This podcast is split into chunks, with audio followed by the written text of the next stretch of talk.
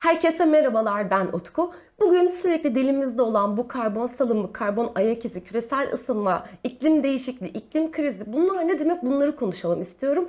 Ama en basit haliyle hatta kelime kelime bunların ne olduğunu konuşmak istiyorum. Hazırsanız coğrafyadan, biyolojiden, fizikten, kimyadan, hava durumundan, siyasetten, haberlerden, mutfaktan, cüzdanınızdan, Twitter'dan, Instagram'dan bildiğiniz her şeyi getirin açık ders yapıyoruz. Öncelikle sera etkisinden bahsetmek istiyorum. Sera derken tarımdan bildiğimiz seracılığa çok benzer bir sistemden bahsediyorum. Biliyorsunuz biz dünya üzerinde yaşıyoruz, yer küre üzerinde yaşıyoruz ve güneş ışınlarıyla hem aydınlanıyoruz hem de ısınıyoruz. Gün dünyanın üzerinde bir atmosfer tabakası var. Atmosfer tabakası gazlar bütünü ve dünyayı bir örtü gibi sarıyor. Güneş ışınları yer küreye çarptığında hepsinin gitmesini engelliyor. Atmosfer sayesinde bizim ihtiyacımız kadar güneş ışını yani aslında sıcaklık yer küreye yakın bir yerde kalıyor. Bu sayede sıcaklık standartize oluyor. Sera etkisi ne demek? Atmosfer gibi davranan başka gazlar yani sera gazları ki az sonra sera gazlarına geçeceğiz. Sera gazları atmosfer gibi davranarak yer küreye daha kalın bir tabaka oluşturuyor ve güneş ışınlarının daha fazlasının yani sıcaklığın daha fazlasının yer küreye yakın kalmasına neden oluyor. Yani atmosfere ince bir örtü dersek sera gazlarına e, battaniye diyebiliriz. Tabii ki örtü yerine battaniye, daha doğrusu örtüyle birlikte battaniye kullandığımızda ne oluyor? Daha fazla sıcaklık oluyor. Yani yer küre tamamen ısınıyor. Yani ne oluyor? Küresel ısınma oluyor. Küresel ısınmanın da ne demek olduğunu tanımladık. Sera gazlarına az sonra geleceğiz. Sera etkisi nedeniyle küresel ısınmayla karşılaşıyoruz. Yer kürenin tamamı küresel olarak ısınmayla karşılaşıyor. Ama bazı bölgeleri haddinden fazla soğuyor. Bir taraftan da küresel ısınma dolayısıyla buzullar eriyor. Yani katı formdan sıvı forma geçiyor. Yani deniz seviyesini yükseltiyor. Bu deniz seviyesini yükseltiyor derken orada bir buzul var uzakta, bizden de çok uzakta demeyelim. Çünkü iç denizlerin de seviyesini yükseltiyor. Mesela Ege Denizi'nin, mesela Marmara Denizi'nin seviyesini yükseltiyor.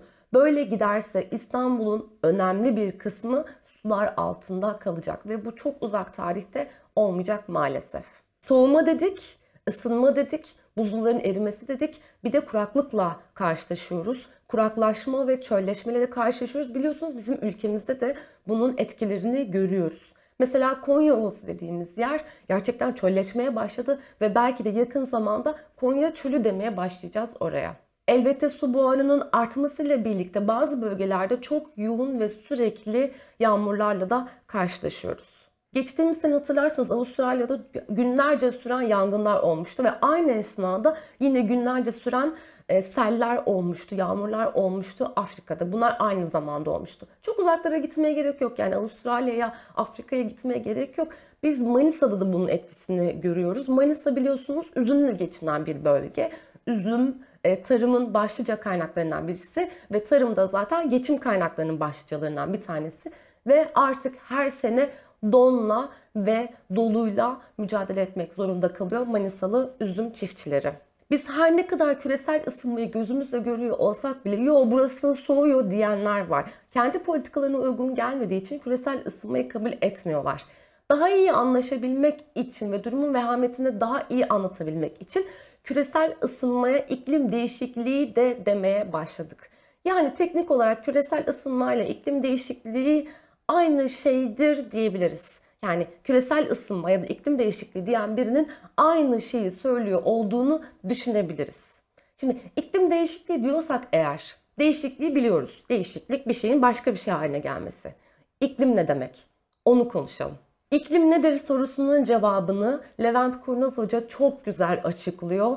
Onun tanımıyla size anlatmak istiyorum. İklim nedirle birlikte hava durumu nedir de konuşalım. Aslında bunlar bildiğimiz şeyler ama cümleleştirmekte zorlandığımız şeyler. Önce hava durumunu açıklamak istiyorum. Sabah uyandınız, gittiniz, perdeyi açtınız, pencereden dışarı baktınız. İstanbul'dasınız ve Ağustos ayındasınız. Havanın nasıl bir şey olmasını bekliyoruz? 35 derece gibi bir şey olmasını bekliyoruz. Yani aslında tişörtle dışarı çıkmayı bekliyoruz biliyorsunuz. Ağustos ayında İstanbul'da. Bu hava durumu. Yani o andaki sıcaklık değeri ya da rüzgar değeri, rüzgarlı olup olmaması, bulutlu olup olmaması biz buna hava durumu diyoruz. Dışarıya bakmak zorunda değilsiniz. Tahminlere de bakabilirsiniz. Televizyonu açıp bakabilirsiniz mesela. Yarın İstanbul'da şu sıcaklık olacak. İşte güneşli olacak, bulutlu olacak vesaire. Bu bilgileri oradan edinebilirsiniz. Ya da telefonunuza bakabilirsiniz. Genelde artık telefonumuzdan bakıyoruz. Telefonunuzu açarsınız. O anda konumunuzdaki hava durumu bilgisini sizinle paylaşır. Yani tahmin de olabilir, o anlık bilgi de verebilir. Yani aslında anlık bir bilgiden bahsediyoruz. Peki iklim nedir? İklim yataktan kalktınız. Peki iklim nedir? Yataktan kalktınız. Perdeyi açmadınız, pencereden dışarı bakmadınız. Televizyon kapalı, telefonunuz da yanınızda değil. Ama İstanbul'dasınız ve Ağustos ayındasınız.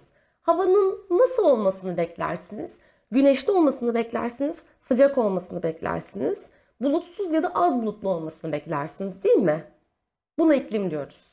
Yani mevsim normallerinin ortalaması diyebiliriz. Biz iklim değişikliğinden bahsediyoruz. Yani mevsim normallerinin ortalaması değişti. Yani 30 dereceydi 32 olmadı. Yani bir günün hava durumundan bahsetmiyoruz. Ağustos ayında İstanbul'da genellikle şununla karşılaşıyoruz ama artık şununla karşılaşıyoruz. Değişikliği bu. Gerçek bir veri vereyim size. İstanbul'da 70'li yıllarda bir yılda yaklaşık 30 gün kar yağıyormuş. 2020'lerde yaklaşık 5 gün kadar kar yağmaya başladı İstanbul'da. Şimdi bu bir iklim değişikliğinin sonucu. Peki iklim değişikliğini iklim krizi haline getiren şey nedir biliyor musunuz? 70'li yıllarda yaşayan birisi 2020'lerde de yaşayabilir. Ben 70'leri görmedim yaşım gereği ama annem hem 70'lerdeki İstanbul'daki karı yani 30 günlük karı gördü hem de 2020'lerdeki 5 günlük karı gördü. Bakın aynı nesil bu değişikliğe şahit oldu. İklim krizi tam olarak budur. İklim değişikliğinin burnumuzun önünde olması ve hızla bu değişikliği gözümüzle görmemiz durumudur. Yok, küresel ısınma diye bir şey yok diyenlerin yaşı büyük. Bu yaş küçüldükçe neyse ki evet küresel ısınma var, iklim değişikliği var diyenlerin sayısı artıyor. Mesela size Greta'dan örnek vermek istiyorum. Greta'yı tanıyorsunuzdur artık. Kendisi çok genç bir aktivist, iklim aktivisti. İklim krizine dikkat çekmek için cuma günleri okulunu asıp bir döviz üzerine iklim için okul grevi yazısıyla e, sokakta insanların dikkatini çekmeye başladı. 2018'den bu yana bu grevi gerçekleştiriyor. Sonra önce kendi ülkesinde, sonra Avrupa'da, sonra bütün dünyada kendisine destek veren çocuklar ve gençler olmaya başladılar. Tabii ki çocuklar ve gençler ona destek verince yetişkinler de Aa, galiba gerçekten bir iklim krizi var demeye başladı. Politikacılara kadar gitti bu mevzu. Neyse ki Greta gibi sorumluluk sahibi bilinçli gençler var. İklim için okul grevi ne oldu? Sonrasında küresel iklim grevine dönüştü. Bütün dünyaya ulaştı. Önce çocuklar ve gençler sonra yetişkinler. 2020'de iklim grevini dijitale taşıdık ve dijitalde dijital iklim grevi gerçekleştirdik. Bu terimleri de duymuş olma olasılığınız çok yüksek. Eğer önümüzdeki zamanlarda da küresel iklim grevi gerçekleşirse lütfen bu iklim grevine destek olun. Çünkü iklim krizi burnumuzun dibinde biliyorsunuz. Tabii ki umarım bu greve hiçbirimiz katılmak zorunda kalmayız. Her şey yolunda gider. Biz ne istiyoruz? Biz iklim adaleti istiyoruz. Çok basit. İklim krizine karşı iklim adaleti. Sera etkisi dedik, küresel ısınma dedik, iklim değişikliği dedik, iklim krizi dedik, iklim eylemleri dedik. En başında anlattığımız sera etkisine geri dönecek olursak, sera etkisine neden olan sera gazları dünyayı bir atmosfer gibi sarıp sarmalıyor. Ama atmosfere göre daha kalın bir tabaka oluşturuyor. Sıcaklığın daha yakın, yer küreye daha yakın kalmasına neden oluyor. Bu sera gazları nedir peki? Bir sürü sera gazı var ama bizim en çok bildiğimiz, en çok olan, en tehlikeli olanlardan bahsetmek istiyorum size. Karbondioksit, metan, diazot, monoksit. Bugün bunların nereden geldiğini, nereye gittiğini kısaca anlatacağım. Ama asıl bunların konusunu başka videolarda uzun uzadıya konuşacağız. Bizim etkilerimizi konuşacağız, bizim yaptıklarımızı konuşacağız. Bizim bunu nasıl değiştirebileceğimizi konuşacağız. Şimdi karbondioksit CO2, metan CH4, diazot monoksit de N2O. Yani aslında azottan bahsediyorum, oksijenden bahsediyorum, karbondan bahsediyorum, hidrojenden bahsediyorum. Yani aslında zaten bizim çok aşina olduğumuz bu atomlar bir araya geldiğinde nasıl tehlikeli oluyorlar? Ya da aslında bunlar kötü kalpli bileşikler mi? Biraz bunları konuşalım istiyorum. Biliyorsunuz hiçbir şey vardan yok olmaz, yoktan var olmaz. Yani karbondioksiti oluşturan şey biziz. Yani dışarıdan birisi uzaylılar bu karbondioksit, bu metanı bizim dünyamıza göndermiyorlar ki zaten dışarısı diye bir yer yok biliyorsunuz artık. Bu karbondioksit, metan, bu sera gazları neredeydi? Toprağın altındaydı. Başka formlardaydılar. Başka bileşik halindeydiler ya da atomlar halindeydiler. Biz onları toprağın altından çıkarttık, kullandık, kullandık ve saldık. Aslında sorun tam olarak bu. Toprağın altındayken ne haldeydiler? Mesela fosil haldeydiler. Şimdi fosil ne demek? Fosil de yüzyıllar önce yaşamış olan ve ölmüş olan dinozorların ölmüş bedenlerinin toprağın altında kalan kısımları. Yani toprak tabii ki o bedenleri örtüyor ve onlar fosilleşiyor. Milyonlarca yıl önce ölen dinozorların bedenleri. Yani fosillerde yani bugün e, tükaka dediğimiz o karbondioksit, metan, mesal bunların hepsi fosil yakıtlar. Yani aslında onlar canlılardı. Yani aslında hiçbir şey vardan yok olmaz, yoktan var olmaz. Bu atomlar, bu moleküller bunlar çarpışıyorlar ve kimyasal reaksiyona giriyorlar. Şimdi bu durumda kimyasal reaksiyon kötü mü? Onu konuşalım. Hayır tabii ki değil. Biz insanlar oksijen alıyoruz, karbondioksit veriyoruz ve bu süreçte kimyasal reaksiyona neden oluyoruz. Yani bizim bu nefes almamızı vermemiz bir kimyasal reaksiyon. Biz kendimiz zaten kimyayız. Biz kendimiz zaten karbonun kendisiyiz. Bitkiler meyvelerini nasıl üretiyorlar? Karbonu alıyorlar ve o karbonu kendi meyve sebzelerine veriyorlar. O vitaminler, bu mineraller bu şekilde oluşuyor. Yani kimyasal reaksiyon da kötü değil, karbon da kötü değil, karbondioksit de kötü değil. Sorun şu, bu bileşikler halinde atmosferde haddinden fazla olması ve hızla daha da çok artması. Sıkıntı tam olarak bu.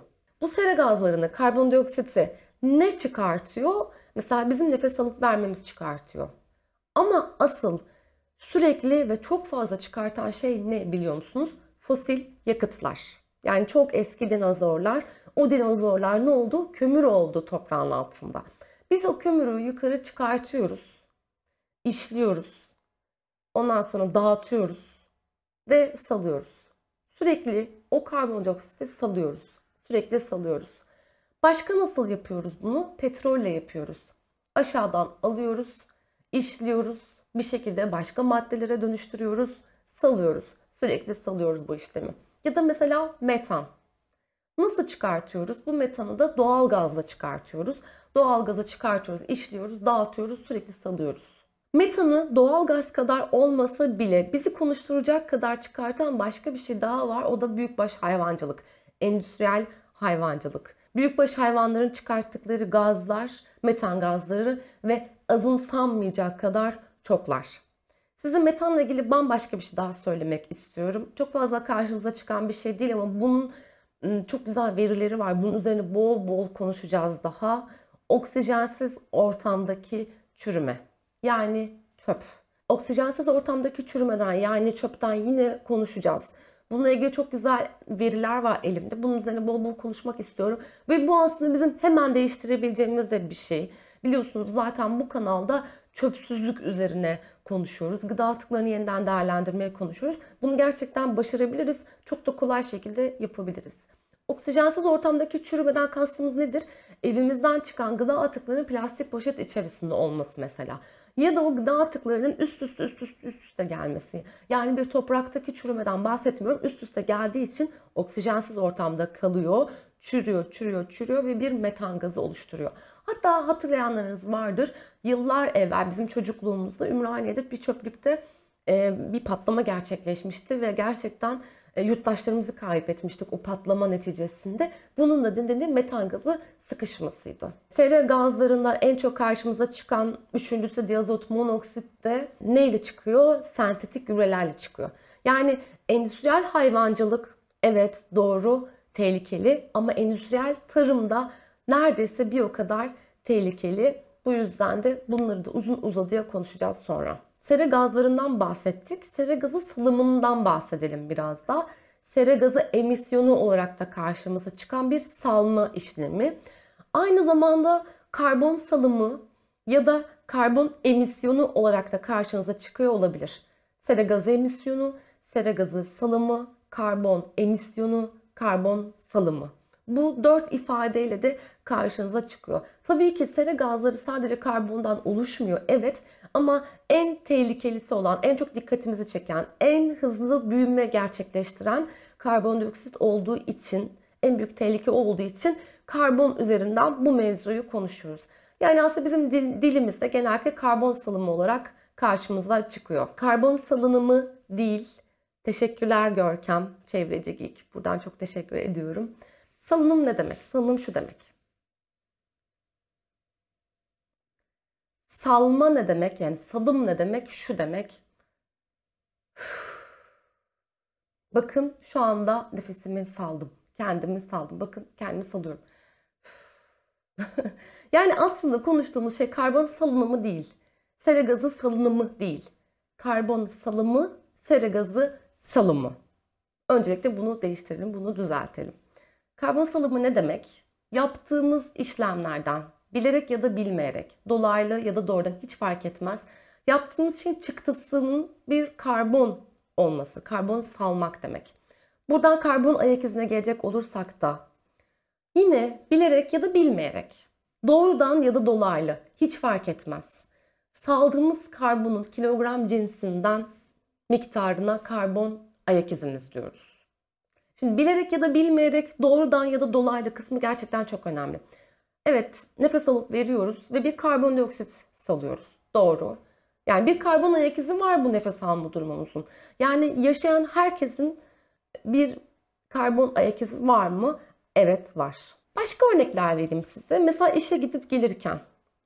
İşe arabayla gidiyorsunuz ve benzinli bir araç kullanıyorsunuz. O araca koyduğunuz benzin, fosil yakıt biliyorsunuz petrol. Dolayısıyla bir karbon ayak iziniz var ve gerçekten azımsanmayacak bir karbon ayak iziniz var. Diyelim ki aracınıza bir kişiyi daha aldınız. iki iş arkadaşı birlikte gidiyorsunuz. Karbon ayak düşürdünüz. Yarı yarıya düşürdünüz neredeyse. Neredeyse diyorum çünkü araçlar ağırlığa göre daha fazla yakıt tüketiyorlar. Dolayısıyla tam olarak yarısına düşmüyor olabilir. Ama yine de e, karbon ayak izinizi önemli ölçüde düşürdünüz. Yani neredeyse yarısına düşürdünüz. Toplu taşımayla giderseniz ne olacak? Şimdi toplu taşıma aracını yani otobüsü mesela metroyu siz kullanmıyorsunuz ya karbon ayak iziniz yok mu? Hayır var. Bilerek ya da bilmeyerek doğrudan ya da dolaylı diye tariflememin nedeni budur. Bir metroya biniyorsunuz, işe gidiyorsunuz bir karbon ayak iziniz var. Çünkü o metronun kalkmasına neden oldunuz. Dolayısıyla bir karbon ayak iziniz var. Ama kişisel araca göre ya da kişisel araçtaki iki kişiye göre çok daha düşük bir karbon ayak iziniz var. Peki ulaşımdaki karbon ayak izini düşürmek için ne yapabiliriz? Daha fazla kişinin aynı araca binmesini sağlayabiliriz. Ya da başka ne yapabiliriz? Daha az karbon salımına neden olan başka araçları kullanabiliriz. Örneğin karayolundaysa deniz yolu ee, ya da daha iyisi tren yolu. Bunları kullanabiliriz. Yani otobüs yerine metro kullanmak karbon salınma konusunda çok daha iyi, masum bir araç. Başka neler yapabiliriz? Bisiklete binebiliriz. Bisiklet çünkü niye? Motorlu bir araç değil. Yani zaten karbon salımına neden olmuyor. Yürüyebilirsiniz. Yürüyünce ne olacak? Kişisel araca göre, motora göre, işte elektrikli skutura göre ya da toplu taşımaya göre çok daha düşük olacak. Hatta yürürseniz karbon ayak iziniz sıfır olacak. İşe gittiniz, bilgisayarınızı açtınız. Bilgisayarınızı açtığınız o bilgisayar bir yakıt kullanıyor mu? Evet kullanıyor ki bizim ülkemizde fosil yakıtlar kullanılıyor biliyorsunuz. Sürekli bir elektrik geliyor. O elektrik de fosil yakıtlarla zaten geliyor. Yani elektrik fosil yakıtlarla üretiliyor. Fosil yakıtlarla birlikte işleniyor. Fosil yakıtlarla birlikte dağıtılıyor. Yani neden olduğunuz derken arka tarafı da var. Yani sadece bilgisayarın düğmesine basmak değil, onun arkasında da bir karbon ayak iziniz var. Ya da bunun dışında bir tişört aldınız. E, aldığınız tişört, bir tane tişört aldınız. Çok masum dümdüz bir tişört aldınız. Pamuklu bir tişört. Sürdürülebilir olsun bir taraftan da doğal bir e, kumaş olsun ya pamuklu olsun. Pamuk olduğu için zaten büyük ihtimalle GDO ile üretiliyor olacak ve GDO'lu tohumla yapılan tarımda çok yüksek tarım zehirleri ve sentetik gübreler kullanılıyor. Bakın sentetik gübre dedik, diazot monoksit ve tarım zehirleri.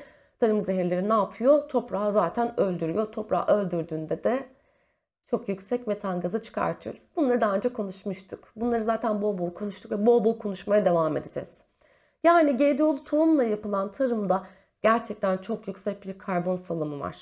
Bu arada tohumun her sene yeniden satın alındığını da düşünürsek sürekli yeniden alınıyor. Yeniden, yeniden, yeniden alınıyor. Çünkü kendi tohumları değil. Hibrit tohumda da aynı tehlike var bu arada.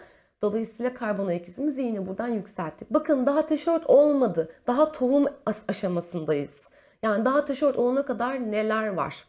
Mesela böyle kısaca geçmemiz gerekirse neler var? Bu tohum halinde olan pamuk bir toplanıyor.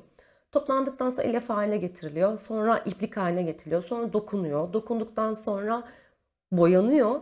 Boyandıktan sonra kesiliyor, biçiliyor, dikiliyor ve ambalajlanıyor. O aldığımız basit pamuklu tişörtün ambalajlandıktan sonraki sürecini de konuşmamız gerekir. Çünkü ambalajlandıktan sonra da bir kere zaten sizin ülkenize gelecek. Sizin ülkenizde olsa bile şehrinize gelecek. O aktarma merkezine bu depoya, bu bilmem ne, bu mağazaya derken sonra bir de size gelme süreci var. Bakın karbon ayak iziyle geliyor, karbon sala sala geliyor. Sadece bir tişört demeyin. Moda sektörünün bütün dünyanın sektörleri arasında en kirli ikinci sektör olması nedenlerinden çok önemli bir kısmı her bir aşamasının farklı kıtalarda gerçekleşmesi. Gerçekten çok yüksek seviyede boyar madde kullanılması ve ham maddesinin de epey tehlikeli olması artık. Karbon salımımıza neden olan, karbon ayak izimize neden olan başka örnekler de vermek istiyorum. Başka somut örnekler de vermek istiyorum size. Ama o bu videonun konusu olmasın. Onu başka bir videoda konuşalım. E, bugün biraz daha bunlar nedir soruların cevaplarını vermek istiyorum. Atmosferdeki karbon miktarı son birkaç yüzyıldır ölçülüyor ve bilim insanlarının söylediğine göre şu anda karbondioksit seviyesi, karbon seviyesi gerçekten çok yüksek seviyede ve haddinden fazla hızla artıyor. Hatta sadece hız değil yükselen bir ivmeyle arttığını dahi söyleyebiliriz. Sorun iklim değişikliğinin şu anda bir iklim krizi haline gelmesi. İklim değişikliği daha önceden de olmuştu.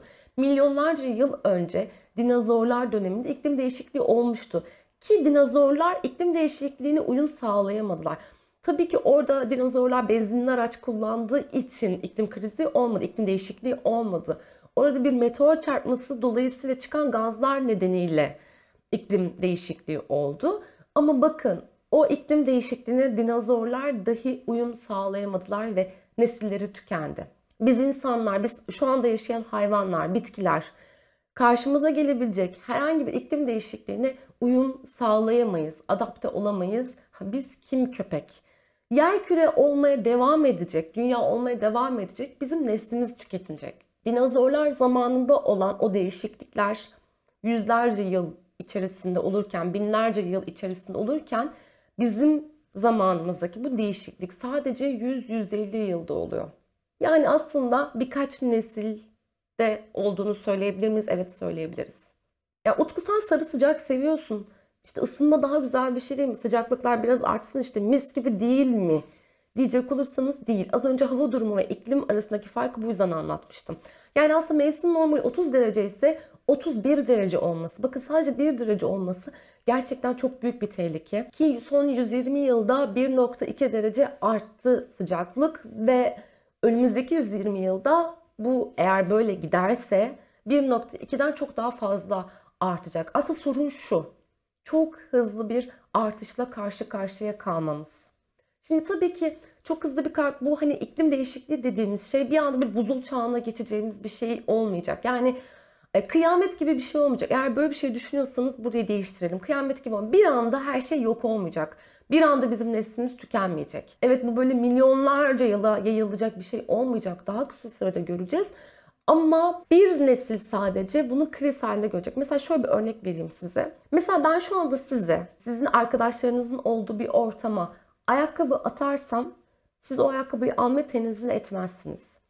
Ayağınızda ayakkabı olmasa bile o ayakkabıyı almak konusunda arkadaşlarınızı parçalamazsınız. Çünkü mantıklı bir şekilde düşünebilirsiniz. Bugün ben giyeyim, yarın sen giy diyebilirsiniz. Şu anda çünkü kriz halinde değiliz. Daha doğrusu krizi henüz görmüyoruz. Mantıklı bir çerçevede bunu düşünebiliriz. Ya da mesela ayakkabımız yok ama battaniyemiz var. Ayağımıza onu koyarız deriz. Yani hiç ayakkabımız olmasa da bir şekilde onu hallederiz. Ama eğer hiçbirinizin ayakkabısı yoksa, havalar çok soğuksa, sizden öncekiler ayakkabısı olmadığı için iki günde acı çekerek, donarak öldüyse eğer, onları gördüyseniz ve psikolojiniz gerçekten bunlarla yerle bir olduysa, size ayakkabı atarsam, sevdikleriniz bile olsa, arkadaşlarınız bile olsa onları parçalaya parçalaya o ayakkabıyı almak istersiniz. Bu söylediğim örnek gerçek bir örnek. Çünkü Nazi kamplarında esirlere bunu yapmışlar. Bu şiddeti, birbirlerine şiddet göstermeleri neden olmuşlar. Dolayısıyla aslında kriz dediğimiz şey bu. Eğer bu bolluk devam etmezse ki etmiyor maalesef. Gıda bolluğumuz devam etmiyor. Su bolluğumuz devam etmiyor. Bu bolluk devam etmezse, kişi başına düşen gıda miktarı azalırsa, tabii ki kendimiz için o gıdaya erişmek isteyeceğiz. Çocuklarımız için o gıdaya erişmek isteyeceğiz ve belki de çok yakınlarımıza zarar vereceğiz. Gıda krizi, su krizi de iklim krizinin bir sonucu. Biz iklim adaleti istiyoruz. Çünkü gıda adaleti istiyoruz. Çünkü su adaleti istiyoruz. Dolayısıyla şu anda bir şeyler yapmazsak çok yakın bir zaman içerisinde çok yakın dediğimde 10 yıl içerisinde, 15-20 yıl içerisinde, 150 yıl değil bizim göreceğimiz bir krizden bahsediyorum. Eğer biz bir şey yapmazsak gıda için savaşacağız, su için savaşacağız. Su için savaşmak ne demek biliyor musunuz? Büyük göçler anlamına geliyor. Büyük göçler çünkü kuraklık olacak. Daha önce olmuştu, yine olacak. Kaldı ki şimdi devletlerin kapıları var ve bu devletler kapılarını açmayabilirler. Tabii ki devlet olmanın gereği önce kendi yurttaşını beslemek isteyecek, onun güvenliğini sağlamak isteyecek. Dolayısıyla büyük göçler büyük savaşlara da neden olacak. Şimdi bir şey yapmazsak bu savaşları hep birlikte göreceğiz. Utku sürekli kötü şeylerden bahsediyorsun. Karbon salımı diyordun, karbon ayak izi diyordun, savaş demeye getirdin lafı. Diyecek olursanız çok haklısınız. Evet kötü şeylerden bahsediyorum, doğrudur. Bu video biraz kötü şeyler oldu. Ama bu videonun ikincisini çekmek istiyorum. İklim değişikliği neden olanları biraz daha somut ifadelerle ve sayılarla size göstermek istiyorum. Ve aynı zamanda iklim kriziyle nasıl mücadele edebileceğimizi de konuşmak istiyorum. Gerçek verilerle konuşacağım ve daha önce yapabildik, yine yapabiliriz diyeceğim. Size umut dolu mesajlar vereceğim. Merak etmeyin. Bu videoyu burada kapatalım. Bir sonraki videoda görüşmek üzere. Abone olmayı unutmayın ki bir sonraki videoyu bilin. Hoşçakalın.